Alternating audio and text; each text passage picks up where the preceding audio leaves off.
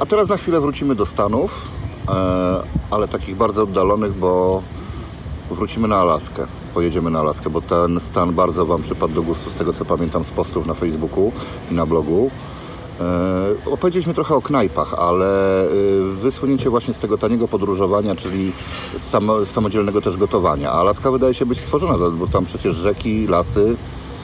No, Alaska i ogólnie Ameryka Północna są stworzone do taniego podróżowania. Jeżeli ktoś chciałby tam pojechać, a lubi podróżować w taki sposób jak my, czyli podróżować pod namiotem, podróżować swoim samochodem, niekoniecznie kamperem nawet, tylko jakimkolwiek autem, to tam podróżuje się idealnie, bo po pierwsze właściwie wszędzie można na dziko nocować, można nocować za darmo. No, infrastruktura dla kamperów jest tam niesamowicie rozwinięta, to Tak, prawda. a, a nawet są e, zrobione specjalnie, darmo, specjalne darmowe kempingi, miejsca takie wyznaczone, w których masz miejsce, żeby postawić auto, postawić namiot, masz miejsce na ognisko, masz bardzo często darmową wodę, nawet darmowy prąd i możesz sobie, tak jak mówisz, rozłożyć się tam i samemu gotować. E, jedyny problem, jaki jest z tym gotowaniem samemu w tamtym rejonie świata, to są zwierzęta, bo tych zwierząt jest tam bardzo dużo i Znaczy, że trzeba je wyłapać, czy... no właśnie, trzeba uważać, żeby one nie wyłapały ciebie. Bo największym problemem są tam niedźwiedzie gryzli, których jest naprawdę bardzo dużo i trzeba mieć świadomość tego, że one potrafią być niebezpieczne. I największym dowodem na to jest człowiek, który miał program bodajże na Animal Planet, który się nazywał Grizzly Man i który próbował światu udowodnić, że niedźwiedzie gryzli nie są niebezpieczne. Podróżował za nimi, spał pomiędzy nimi i tak dalej. I skończyło się tak, że jego i jego dziewczynę te niedźwiedzie zjadły. Więc my jadąc na Alaskę wiedzieliśmy, że trzeba na te miśki uważać. I głównym problemem jest właśnie jedzenie, które sobie sami gotujemy które wydziela bardzo dużo zapachów. I o ile w ciągu dnia, kiedy gotujemy, to jeszcze jesteśmy czujni i widzimy, jak niedźwiedź się będzie zbliżał, to go jakoś nawet przegonimy, bo często wystarczy e, wydawać dużo głośnych jakichś e, dźwięków, czy w razie czego mamy ten spray na niedźwiedzie, którym można gdzieś tam psiknąć do niego. Ale problem pojawia się w nocy, kiedy my już nic nie gotujemy, ale te zapachy z jedzenia, które gotowaliśmy przez godzinę zostały. I one, nawet jak przesiąknie tym okolica, nie wiem, ta ziemia, przy której siedzieliśmy, czy drzewa, które nasze są nad ubrania. nami, czy nasze ubrania, to te niedźwiedzie też to potrafią wyczuć. I my musieliśmy robić tak, że jeżeli gdzieś jedliśmy kolację i sobie ją tam gotowaliśmy, to potem po zjedzeniu kolacji się zwijaliśmy i jechaliśmy 2-3 kilometry dalej, żeby tam rozłożyć dopiero namioty, żeby już te zapachy gdzieś tam zostały. Jeżeli mieliśmy jakieś resztki, na przykład obierki, nie wiem, po ziemniakach, to trzeba było je spalić. A jak mieliśmy zapasy jedzenia na kolejny dzień, to nie można było tego zabierać ani do namiotu, ani nawet do auta, bo taki gryzli to samochód sobie jak konserwę otworzy. Musieliśmy to pakować do worków i te worki na takiej długiej linie zawieszać gdzieś na drzewie w środku lasu, żeby niedźwiedź jak to wyczuje, to żeby sobie poszedł gdzieś tam do lasu i próbował się do tego dostać, a nie do nas. A, a nie pomylił was z konserwą. Dokładnie, więc te, te noce na Alasce czy w Kanadzie, których spędziliśmy tam 70 kilka, no to były bardzo nerwowe noce, bo ciągle coś przychodziło. No, spaliśmy tam takim bardzo niespokojnym, płytkim snem, że wystarczyło, że coś zaszeleściło, krzak się poruszył, no i od razu człowiek się budził. E, No i pytanie teraz, czy to tylko wiatr, czy to już coś przyszło? No i przychodziło do nas mnóstwo zwierząt w nocy, e, od jakichś kojotów, przez wilki, które no, są mocno demonizowane, ale się okazuje, że wilki są bardzo e, przyjemnymi zwierzętami, nie chcą człowiekowi zrobić krzywdy, po właśnie takie zwierzęta, które gdzieś tam przychodziły do namiotów, pod namiot i nam sapały do ucha ciężkim oddechem, jakieś łosie, jakieś, no niedźwiedzie też przychodziły, także no było różnie, było różnie i już dzisiaj bym chyba ponownie nie odważyła się zrobić tego, co zrobiliśmy te półtora roku temu. Już bym chyba na Alaskę w taki sposób na tak długo, już bym się chyba nie odważyła. A też powód, dla którego tam jest tak dużo tych niedźwiedzi, szczególnie tych dużych grizzly, to to, że jest bardzo duża obfitość jedzenia. I te niedźwiedzie najczęściej można spotkać przy rzekach, w których jest cała masa łososi.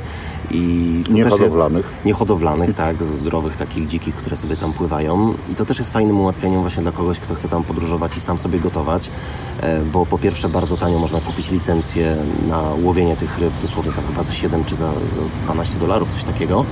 E, I można wtedy łowić sobie te ryby w dowolnej rzece, ale jest ich tak dużo, że dosłownie można je łapać rękami. I nas, y, gościu, który tam mieszka na Alasce od chyba 10 lat, zabrał właśnie nad rzekę, żeby nam to udowodnić. Wszedł normalnie do rzeki, schylił się i takiego półmetrowego łososia wyjął, potem go wypuścił, ale pokazał, że no tak Da się. dużo tego jest i da się to po prostu zrobić. Więc jak ktoś ma taką smykałkę do tego, żeby sobie coś złowić czy upolować, no to jak najbardziej można to zrobić. Tak, poznaliśmy też e, gryzli babcię, e, am- amerykańską babuszkę, która na co dzień jeździ mm, takim dużym żółtym autobusem, odwozi dzieci do szkoły, a po godzinach jest e, Traperem. traperem. Tak, i Tropi zwierzęta, zasadzki w lesie stawia na te zwierzęta, skóruje je, oddaje skóry do skupu, przetwarza to mięso, mieszka sama, jest samodzielna. jest takim survivalowcem, że patrząc na nią, na taką spokojną babeczkę, która dzieci odwozi w autobusie, nigdy byś nie powiedział, że jak w Kanadzie czy na Alasce robi się w zimie minus 40, jest 3 metry śniegu, to ona e, wsiada wtedy na własnej konstrukcji taki pojazd, który jest zbudowany z dwóch skuterów śnieżnych połączonych ze sobą, bo jeden jest za mało stabilny na taki śnieg. Te dwa skutery są połączone. Z tyłu na tych skuterach jest zamontowana niedźwiedzioodporna taka pancerna chatka. Ona to ciągnie gdzieś tam 100 km w góry i mieszka tam przez kilka tygodni, poluje właśnie na te różne zwierzęta, czy tam zostawia pułapki. A to, że jest nazywana przez lokalnych właśnie babcią gryzli, to dlatego, że miała kilka bliskich spotkań z gryzli i zawsze się kończyły tak, że te niedźwiedzie nic jej nie zrobiły. Opowiadała nam, że wielokrotnie trafiała na niedźwiedzia i zdarzało się na przykład tak, że niedźwiedź szedł z młodymi, co jest bardzo krytyczną sytuacją, bo wtedy niedźwiedź jest bardzo agresywny i ten niedźwiedź stanął na dwóch łapach, zaczął ryczeć na nią, zaczął gdzieś tam walić w drzewa, przewracać obok, żeby jej pokazać, że jest niebezpieczny i sobie po prostu poszedł, nic jej nie zrobił. I ona wtedy postanowiła, że ze wszystkich zwierząt, na które polowała, na niedźwiedzie już nie będzie polowała, nie będzie zostawiała pułapki i to jest jedyne takie zwierzę, które gdzieś tam e, jest dla niej takim, taką świętością w tej Puszczy Kanadyjskiej. Mhm. A ja w takim razie podrążę temat tego samodzielnego gotowania, bo gdyby ktoś na przykład zdecydował się na podróż, y, no nie mówię kamperem, ale, ale generalnie samochodem gdzieś tam y, po Stanach, bo to jest chyba najlepsza forma zwiedzenia tego kraju. Zdecydowanie. E, No są te restaria, tak jak u nas są mopy, gdzie można sobie zjechać i są przygotowane na przykład stanowiska grillowe. E, Więc rozumiem, że po prostu co, zaopatrywaliście się w supermarketach w jedzenie, które można sobie tam pr- przygotować, Tak, a że z jedzeniem w Stanach jest potwornie tanie, tak. bo zgodzimy jednak się.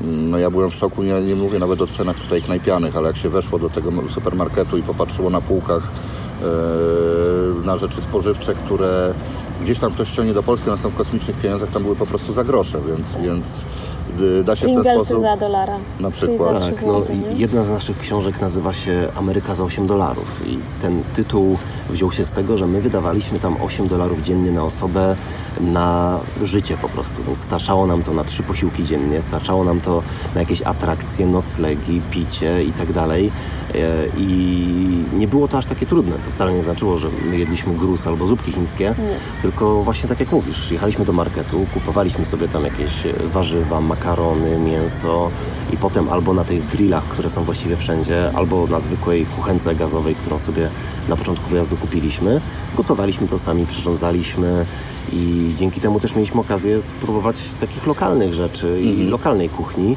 Poza tym w Ameryce też jest bardzo dużo jakichś farm, na których można bardzo tanio te rzeczy kupić. Bardzo często są e, tak zwane uczciwe skrzynki, takie samoobsługowe miejsca przy właśnie farmach, na których masz wyłożone jakieś warzywa czy owoce. Masz podaną cenę, która jest jeszcze tańsza niż w marketach, no bo nie płacą marketowi za sprzedaż, ani nie płacą za żadnego O, pracownika. Omijałem pośredników, dzięki czemu mają Dokładnie. po prostu te ceny praktycznie hurtowe. I bierzesz sobie tam, nie wiem, kilogram jabłek, wrzucasz dolara do skrzynki i, i tyle. I liczą na ludzką uczciwość i skoro dalej to stoi, to widać, że działa. Ja widziałem takie pole z dyniami, jak byliśmy, to we wrześniu. E, Nie pamiętam, w którym stanie to było, natomiast e, nie, to już w październiku było. To było przed Halloweenem i, i właśnie jechaliśmy i było ogromne pole z dyniami, e, przykuwające uwagę, bo z daleka już były część dy, tych dyń była wycięta, tak jak na Halloween, przygotowana taka instalacja i też była właśnie skrzynka e, z podaną ceną e, za dynię i można sobie było te dynie zabrać prosto z pola plus wrzucić te, te, te, pieniądze do tej skrzynki. No, a czasem nawet są takie miejsca, które się nazywają UPIK, czyli e, ty zbierasz, gdzie nie tylko możesz kupić, tylko jest jeszcze taniej. Sam możesz pozbierać. Dostajesz na przykład specjalny kosz do zbierania jabłek, wchodzisz sobie na teren takiego sadu, zrywasz te jabłka, a wychodząc jest po prostu waga, na której ważysz ile uzbierałeś i też za to płacisz. Więc jest naprawdę masa Czyli można możliwości, naprawdę żeby tanio tanio, tam tanio, tanio przeżyć. Mało tego, można tanio i często też bardzo, bardzo zdrowo O, ostatnio odkryliśmy, że bo omijaliśmy taki jeden sklep, który jest ze zdrową żywnością, bo wydawało nam się, że tam będzie drogo. To mieliśmy takie polskie myślenie. Zdrowa żywność, w sensie sklep zdro- ze zdrową żywnością. Ceny no trzy razy wyższe. Tak, Dokładnie. ale ostatnio jak byliśmy, no to odważyliśmy się tam wejść. E, Ten, ten market się nazywa Whole Foods. Jest tam takie zielone, okrągłe litery grube. Y, I okazało się, że ta zdrowa żywność u nich kosztuje mniej niż w Polsce, dużo mniej, a wybór jest niesamowicie ogromny. Zaczęliśmy kupować takie y, zdrowe mrożonki, bez żadnych konserwantów, bez żadnych polepszaczy smaku, bez po prostu naturalne mrożonki i na przykład tak jak ja nie mogę jeść nabiału, no to bez problemu znajdowałam wegańskie pizze, często bezglutenowe, bezglutenowa wegańska pizza mrożona na przykład za 8 dolarów, nie? E, Bez, bez żadnej chemii. Czy kupowaliśmy też takie mrożone mm, jakieś enchiladas czy coś. Wiadomo, też w Ameryce wpływy różnych kultur tak naprawdę z No to jest piękne świata. właśnie, bo ta kuchnia dzięki temu No. jest bardzo ciekawa. No tak naprawdę Ameryka to jest mieszanka kuchni całego świata. No i w tym Whole Foods można doświadczyć właśnie tej całej mieszanki. I na przykład my kupowaliśmy taki na obiad mrożonkę jedną za 3-4 dolary. Nie? I, I to się odmrażało, potem można było sobie to jeszcze przygrzać na gdzieś tam swojej kuchence. I za takie 3-4 dolary miałeś obiad po prostu fajny, zdrowy. A ja Was teraz dopytam, bo w sumie e, bardzo mnie to interesowało, a nigdy tego nie sprawdziłem. E, Wy pewnie będziecie wiedzieć, no bo jeździliście tym samochodem po całych Stanach, spaliście w bardzo różnych miejscach. E, Kiedyś gdzieś coś przeczytałem, że generalnie poza wyznaczonymi miejscami do stawiania samochodu lepiej się nie zatrzymywać, bo można być, nie wiem, zatrzymany za włóczęgostwo. Było E, coś takiego? Krąży taka informacja po Stanach i faktycznie są niektóre stany, w których włóczęgostwo jest rzeczą nielegalną, ale to tyczy się tego, że jak na przykład, nie wiem, w San Francisco będziesz spał w samochodzie przy głównej ulicy, no to możesz mieć problem, ale w większości stanów czy w większości miejsc poza głównymi miastami nie ma z tym problemu. Mało tego, są nawet takie specjalne tereny. Nazywają się albo BLM, to są e, takie Rządowe. rządowe, tak, rządowe dzikie tereny, najczęściej nieurodzajne, na których możesz się rozłożyć gdziekolwiek. Są lasy państwowe, National Forest, w których też możesz wjechać normalnie do lasu i tam możesz do bodajże miesiąca nocować, możesz tam palić ognisko i nikt cię stamtąd nie przegoni, a nawet jak przyjedzie jakiś ranger, to bardzo często ten ranger jeszcze ci podpowie na przykład skąd wziąć drewno, albo gdzie Albo darmową wodę przywiezie. możesz znaleźć, albo ci przywiezie jeszcze. No chyba, że Więc- jesteś Meksykaninem, to wtedy niekoniecznie. Więc pod tym względem jest bardzo łatwo takie miejsca znaleźć. Ja polecam kilka aplikacji, żeby sobie wyszukać już sprawdzone takie miejscówki. Jest na przykład Wikicamps USA albo jest iOverlander i tam jak ktoś ma wątpliwości, czy w okolicy można w jakimś miejscu nocować, to w tej aplikacji znajdzie zaznaczone miejscówki, gdzie na 100% jest i bezpiecznie, i legalnie.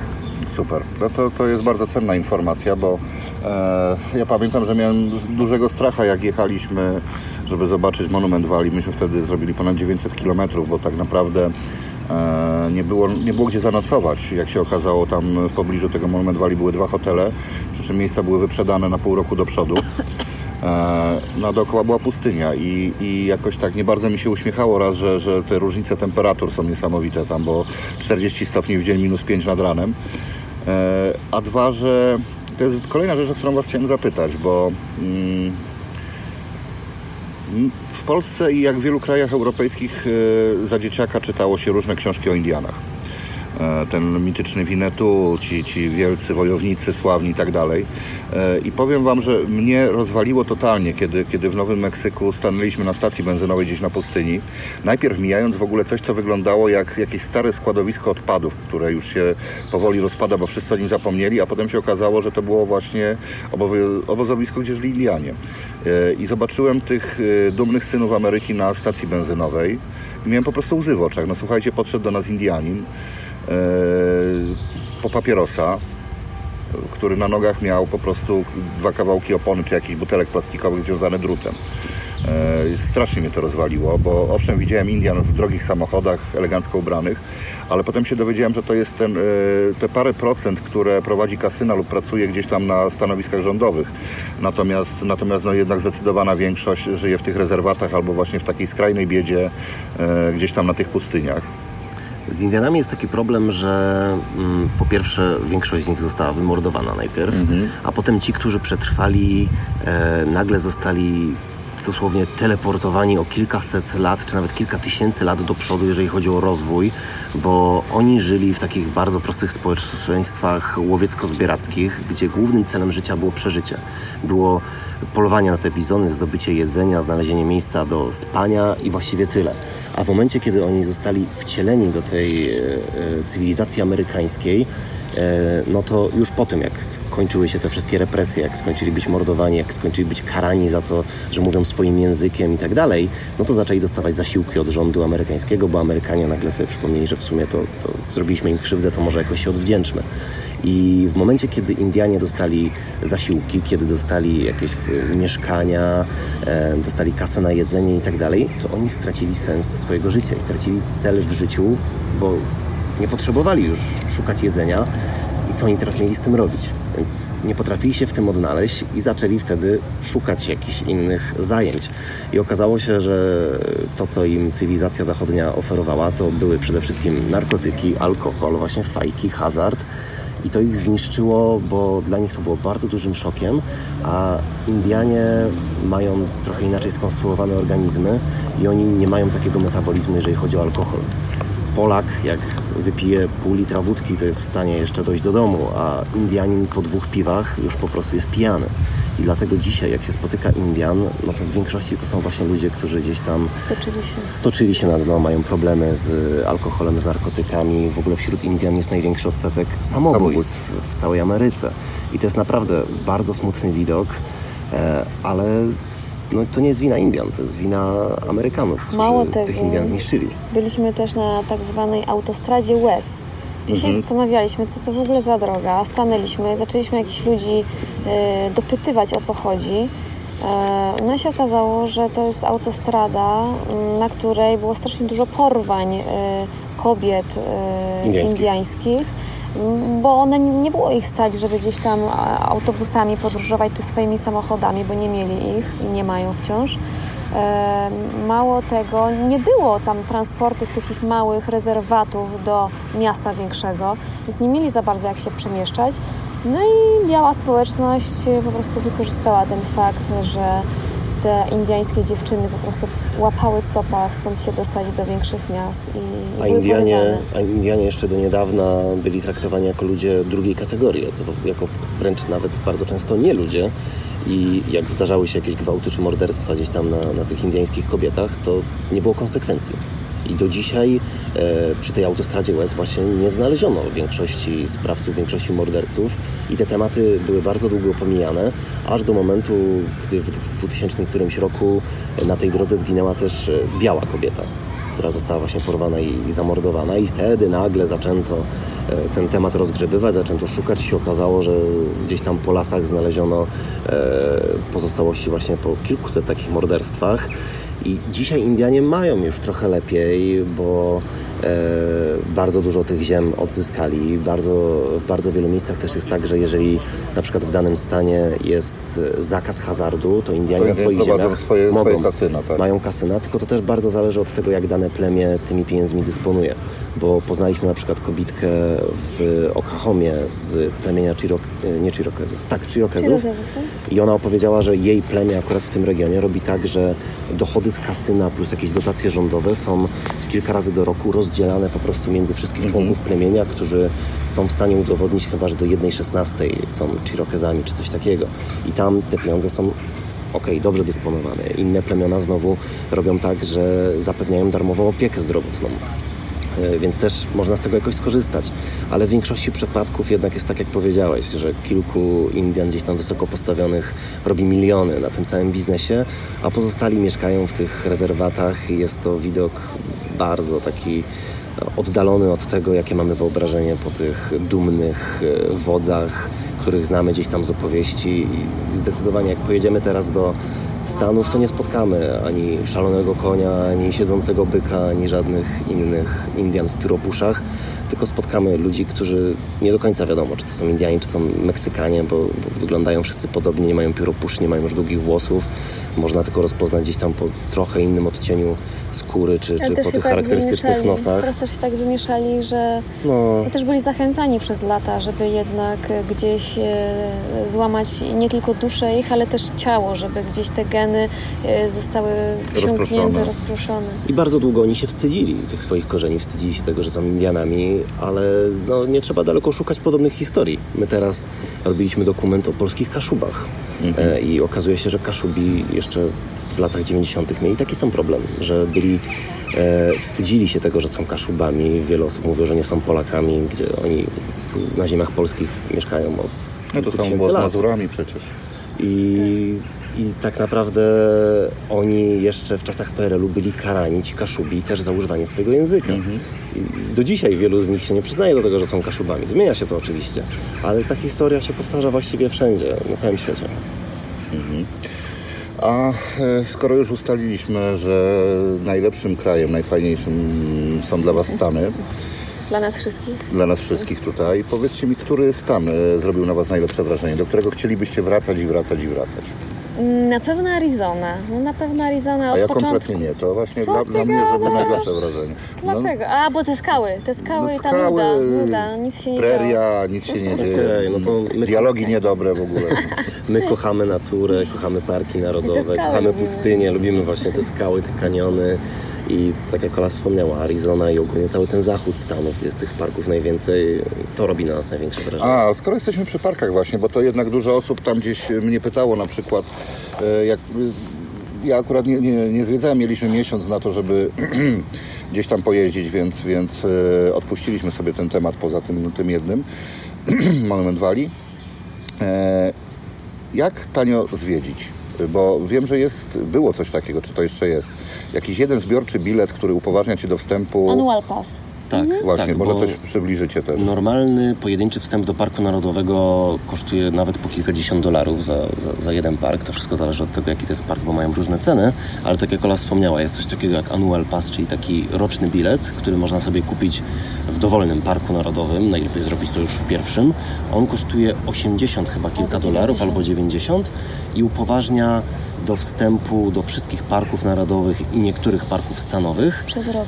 Przez rok i to jest bilet na ciebie jako kierowcę i do bodajże czterech pasażerów twojego auta. Więc bardzo się to opłaca. No bardzo, bo jeżeli jeden, praktycznie dwa wjazdy i Tak. Już ci się Już to ci się zwraca, to zwraca. A, a potem już jest tylko taniej. A jeżeli ktoś jedzie do Stanów na dłużej niż dwa tygodnie, a polecamy, żeby tam pojechać jednak na, na chwilę dłużej, to na bank tych parków odwiedzi co najmniej 10, jak nie kilkanaście. Więc warto to już na samym początku zrobić i zobaczyć tego jak najwięcej. Dobra, to nie będziemy zdradzać wszystkiego, co jest, y, co jest w Waszych książkach, bo najlepiej po prostu tą książkę zdobyć i tutaj będzie też taka, e, po wysłuchaniu podcastu zejdźcie troszeczkę niżej w poście na blogu, tam będzie zadane pytanie E, i wśród czter, cztery osoby, które naszym tutaj wspólnie zdaniem e, najciekawiej na nie odpowiedzą, zostaną nagrodzone egzemplarzem książki z autografami, a tych książek jest cztery. Tak, e, mamy już wydane cztery książki. E, Są to książki takie przygodowo-poradnikowe, bo poza tym, że opisujemy, co nam się w naszych podróżach wydarzyło, to podpowiadamy też w nich, jak zorganizować własną podróż do tego kraju, jak zrobić to tanio. Pierwsza książka, czyli Busem przez świat, wyprawa pierwsza, opowiada o naszej e, wyprawie po Europie Zachodniej i o tym, jak w ogóle to wszystko się zaczęło jak samemu przygotować auto do takiej podróży. Druga to ta, o której wspominaliśmy, czyli Ameryka za 8 dolarów. Opowiada o podróży kilkumiesięcznej dookoła Stanów. Trzecia to Australia za 8 dolarów i opowiada o naszej czteromiesięcznej podróży dookoła Australii i Nowej Zelandii. Pojechaliśmy tam naszym starym dwudziestoletnim, dwudziestokilkuletnim busem, którego przetransportowaliśmy statkiem aż właśnie do Australii. Nasza najnowsza książka to Busem przez świat Alaska i Kanada i opowiada właśnie o tym pierwszym etapie naszej podróży przez północ Ameryki Północnej. I wszystkie te książki e, początkowo były dostępne w normalnych księgarniach, teraz już je wycofaliśmy, No właśnie, dlaczego? To jest bardzo ciekawy temat również dla mnie, prywatnie. e, bo ludziom się czasem wydaje, że z pisania książek można zarobić olbrzymie pieniądze. Niestety w takim modelu tradycyjnym autorzy zarabiają bardzo mało, najwięcej zarabiają właśnie księgarnie, które e, zarabiają 5-6 razy tyle co autor. E, my postanowiliśmy to trochę zmienić i właśnie stworzyliśmy własny sklep internetowy. W międzyczasie międzyczasie założyliśmy swoje wydawnictwo i kolejne książki wydajemy już sami. I teraz nasze książki są dostępne tylko w sklepie, właśnie sklep.busemprzesświat.pl. Tam można kupić e, każdą z tych książek albo pakiet i okazało się, że taki sposób wydawania książek e, trochę zmienił e, nasze podejście do tego wszystkiego i zmienił też nasze życie, bo teraz utrzymujemy się właśnie z podróżowania, z pisania książek. Sami też podpowiadamy innym, w jaki sposób można zarabiać na podróżowaniu czy na blogowaniu. No właśnie, bo ty masz taki kurs. tak, nawet zrobiłem kurs internetowy, który się nazywa Zawodowy Podróżnik, e, w którym w kilkunastu lekcjach opowiadam, jak e, rozkręcić takiego bloga, jak rozkręcić kanał na YouTubie, jak tworzyć treści do internetu i w jaki sposób e, nie tylko zarabiać tak jak my, ale też na przykład zorganizować własną podróż na koniec świata i znaleźć finansowanie na tą podróż, znaleźć jakichś sponsorów, jak pozyskać patronów medialnych i jak organizować takie podróże dużo taniej. No to jest bardzo ciekawa rzecz, z której ja na pewno też skorzystam. Ehm, Dobra, to zachęcam wszystkich do, do odwiedzin w tym sklepie i, i nabycia książek, bo e, jak mogliście usłyszeć i Ola i Karol bardzo, bardzo ciekawie opowiadają o tym, co robią. E, No cóż, no pozostaje mi pogratulować tego, że ze swojej pasji zrobiliście sposób na życie. Dziękujemy. To jest, to jest naprawdę niesamowite i, godne naśladowania. Ale trzeba też wspomnieć, że to jednak y, nie było takie wszystko łatwe, proste, jak mogłoby się gdzieś wydawać po przesłuchaniu tam godzinki jakiejś rozmowy, bo my to robimy od 10 lat. Y, przez pierwsze 5 lat, jak tworzyliśmy bloga, podróżowaliśmy y, tylko w okresie wakacyjnym, czyli te y, lipiec, sierpień, bo wtedy jeszcze studiowaliśmy. Bloga pisaliśmy po godzinach, w nocy pisaliśmy wręcz tego bloga i tworzyliśmy te treści do internetu. Robiliśmy to tylko dlatego, że to lubiliśmy. Widzieliśmy sens w tym, żeby się tym wszystkim z ludźmi dzielić. Nie ukrywajmy, że ta blogosfera kiedyś, kiedy nie było tam pieniędzy, wyglądała inaczej. I my jesteśmy właśnie z tej starej szkoły blogosfery i pamiętamy właśnie ten, ten, ten, te czasy, kiedy to blogowanie było taką czystą pasją, czystą zajawką. I to, że nam się to przekształciło po pierwszych pięciu latach robienia tego regularnie, właśnie, bo wtedy zgarnęliśmy jakąś jedną nagrodę, potem kolejną nagrodę i te nagrody tak naprawdę sprawiły, że gdzieś świat o nas usłyszał, marki się zainteresowały i zaczęło się to po prostu zmieniać i ostatnie pięć lat to jest faktycznie już takie życie z tych, z tych podróży, yy, ale to wciąż jest yy, bardzo dużo pracy, bardzo dużo zachodu, dużo stresu. No właśnie, bo wiesz, bo ludzie oglądają wasze fajne fotki na Instagramie, na blogu i mówią, kurde, ci to mają życie, nic nie robią, tylko jeżdżą, jeszcze im za to płacą. A to nie wygląda tak różowo wcale. No nie wyglądajmy to, to też gdzieś tam przemycamy w naszych treściach. Przede wszystkim przemycamy to w tych daily vlogach, codziennych vlogach, gdzie jest taka zwykła codzienność. Tam niczego nie, nie, nie, wy, nie wypozerujesz, prawda? Ta, tam nie, nie, nie wykreujesz niczego. Tam jest po prostu życie, tam jesteśmy my yy, i no No prawda jest taka, że po prostu po tych pięciu latach staliście się ekspertami w swoim temacie e, i te pieniądze, te pieniądze przyszły nie dlatego, że, że ktoś wam chce płacić na treść, za treści na blogu, tylko dlatego, że wy macie wiedzę, którą potraficie sprzedać. No E, i trzeba więc- mieć świadomość tego, że to nie jest takie łatwe, że to nie jest tak, że ktoś e, nagle postanowi, że zrobi to co my, czy nawet przejdzie cały nasz kurs i zrobi tak jak ja doradzam i po miesiącu zacznie zarabiać. Nie, ja to już w pierwszej lekcji tego kursu mówię, że No, jakieś bo pieniądze... nikt tego kursu nie kupi. Nie, ale ja wręcz w tym kursie nawet mówię w pierwszej lekcji, że y, pierwsze pieniądze przyjdą może po roku, może dopiero po dwóch albo i później i to jest zabawa tylko dla ludzi, którzy są cierpliwi, dla których to naprawdę jest pasją i jeżeli pisanie o podróżach, opowiadanie o tym, kręcenie filmów nie jest twoją pasją i robisz to tylko dla pieniędzy, to ci się nie uda. Ja w pierwszej lekcji o tym mówię i mówię, że jeżeli po tej lekcji stwierdzisz, że jednak to nie jest dla ciebie, to zrezygnuj z tego kursu, ja ci oddam kasę, bo szkoda twojego czasu po prostu. Bo takie rzeczy udają się tylko ludziom, dla których to jest naprawdę pasja i dla których te pieniądze są dodatkiem i dzięki temu są w stanie w tym wytrać, wytrwać. Bo my wcześniej, tak jak Ola wspomniała, mieliśmy normalne prace i to były prace takie zazwyczaj po 8 godzin dziennie, e, a może się wydawać, że to, co robimy teraz, to są właśnie wakacje, a pracujemy pewnie po godzinie dziennie albo jeszcze mniej. A prawda jest taka, że my teraz pracujemy jeszcze więcej. Nieraz pracujemy po kilkanaście godzin dziennie i tak naprawdę non-stop jesteśmy w pracy.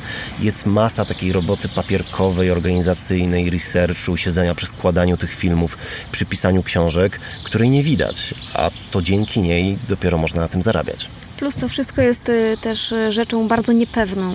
Nie wiadomo, jak będzie wyglądała blogosfera, nie wiadomo, jak długo będzie można tworzyć te blogi, y, nie wiadomo, jak długo się te książki będą sprzedawać. My nie mamy stałej pensji. Ile zrobimy, tyle sobie Ja zarobimy. was dobrze rozumiem.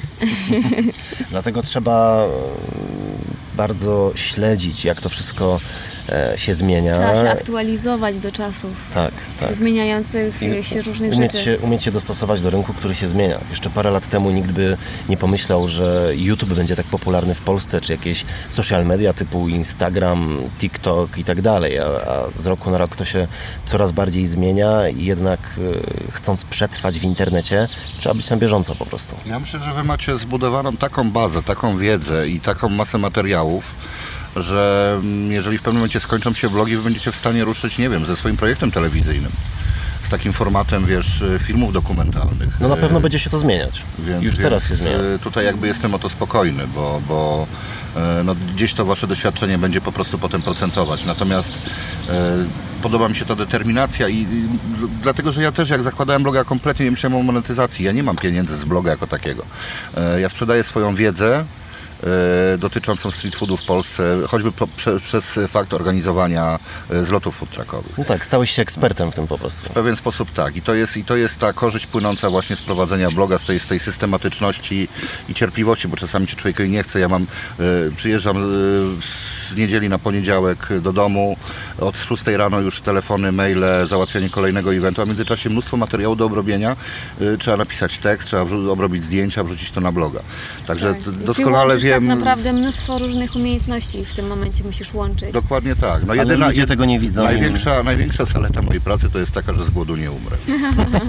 Ale zobacz, ktoś, kto na przykład nie lubi jeść jedzenia albo nie lubi jeść dużo, e, tak jak ja, raczej jak ptaszek, sam sobie coś dziubnę, ma niewiele, no to ja bym na przykład czegoś takiego jak ty nie mogła robić, nie?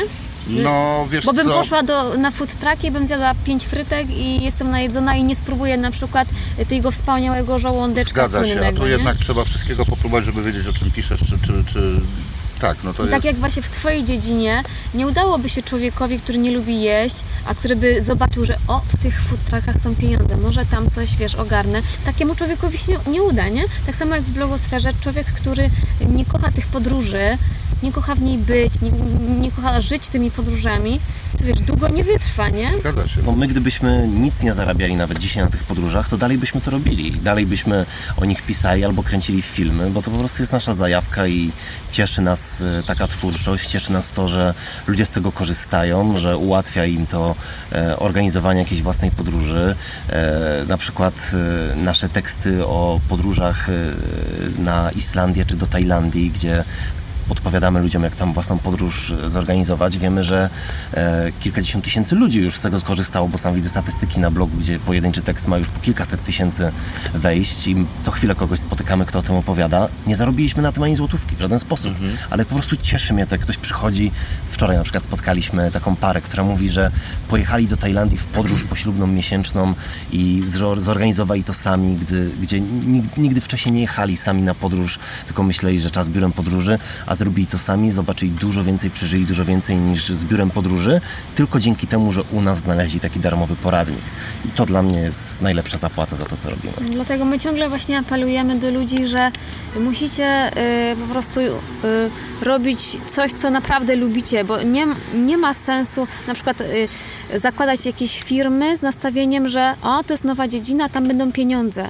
Coś takiego, no może się uda Jeden- jednemu jeden na na, na, na 100 albo i na tysiąc, ale jeżeli będzie się konsekwentnie robić coś, co się bardzo lubi, gdzie jesteś pasjonatą, gdzie to jest naprawdę ogromną częścią Twojego życia, prędzej czy później może się to zmonetyzować. A nawet jeżeli się nie zmonetyzuje, no to przecież ty nic na tym nie tracisz, bo Dokładnie. przecież to jest twoja zajawka. Dokładnie, czego y, wszystkim życzymy. Tak. Tak. Więc na koniec jeszcze raz Wam bardzo dziękuję za tą rozmowę. My też dziękujemy. E, przypominam o tym, żeby wziąć udział w konkursie, bo te książki fajne są do wygrania, będą jeszcze z autografami do tego. E, I przypomnij może jeszcze tylko wszystkie adresy, gdzie Was szukać. W całym internecie jesteśmy pod hasłem Busem przez Świat, a szczególnie zapraszamy na Instagrama, właśnie Busem przez Świat, gdzie są e, nasze piękne zdjęcia, właściwie Oli piękne zdjęcia i e, relacje z podróży, na YouTube'a, gdzie jest masa filmów i tam też jest oczywiście Busem przez Świat, a poza tym na bloga, Facebooka, TikToka, Snapchata, masę innych rzeczy, a gdyby ktoś chciał Nie się... mamy Snapchata. No, już Zaktualizuj tak. się. A jeżeli ktoś by chciał się dowiedzieć trochę więcej o naszych produktach czy o tych kursach, to albo zawodowypodróżnik.pl, albo sklep.busemprzezświat.pl. Dzięki wielkie za rozmowę. Jeszcze Dzięki bardzo. Dziękujemy. Mięso! Mięso! Mięso! Mięso!